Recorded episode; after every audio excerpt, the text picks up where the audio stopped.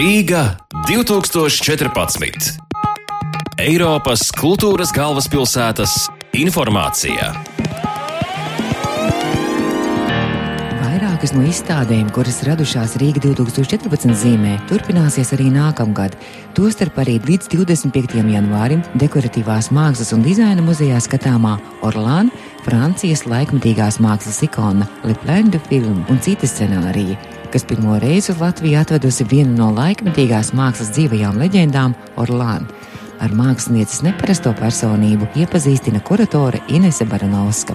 Vienu dienu viņai vajadzēja parakstīt kaut kādus dokumentus, un viņa izlasa savu vārdu. Viņa tajā vārdā redz, ka tie galvenie lielie burti, jo kā jau Rietumē Eiropā ir šie divi vārdi, un ka viņai no tiem burtu kombinācija veido lemorte nāve. Viņa teica, ne, viņa nevēlas ar to sevi saistīt. Un, protams, visa viņas pieredze un māksla iet caur personiskās pieredzes prizmu, un, bet tomēr arī tie viņas īstie, autentiskie vārdi ir tur tie burti, kas veido to orlānu. Un or, franciski ir zelts un orlānu, un tas ir tāds kaut kas ļoti skanīgs un labs un lielie burti. Un tā kā viņa ir pati izveidojusi savu personību, šo tēlu, kas ir fantastiski fascinējoši. Un šie pēdējie divi gadi jo mēs izstādi gatavojam divus gadus, un tas ir ļoti nopietns projekts. Es teiktu, ka man ir ārkārtīgi liela privilēģija strādāt ar šāda kalibra mēroga mākslinieci. Fantastiski pat ir viņas ēpasti, ko viņi man raksta, jo viņi raksta tikai ar lielajiem burtiem, visus teikumus. Jūs saprotiet, viņa nav traka, viņa ir ārkārtīgi gudra,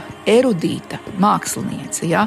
unikāla personība. Un jo vairāk es viņu iepazīstu, es tiešām viņu vairāk abrīnoju. Pie visa šī tāda afekta, ļoti tādas sceniskas parādīšanās, vai kā viņa ir ārkārtīgi gudrs vietas cilvēks. Un viņa arī ļoti labi zina, ko viņa grib. Un tikai tad var kaut ko mākslā panākt. Kāpēc viņa ir Latvijā? Kāpēc mēs izvēlamies šo mākslinieci? Tāpēc, ka šāda kalibra mākslinieku mums Latvijā nav. Un mēs vienmēr tādi drusciņi tad ir āmi, pieticīgi. Un šis ir tā tāds sprādziens. Ja?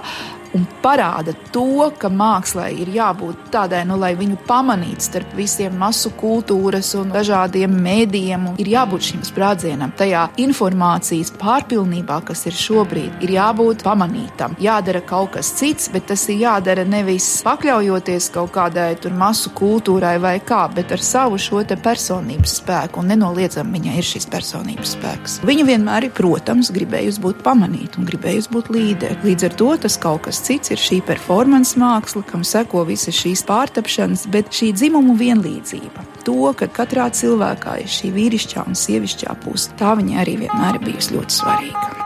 Jūs klausījāties Eiropas kultūras galvaspilsētas informāciju. Rīga 2014.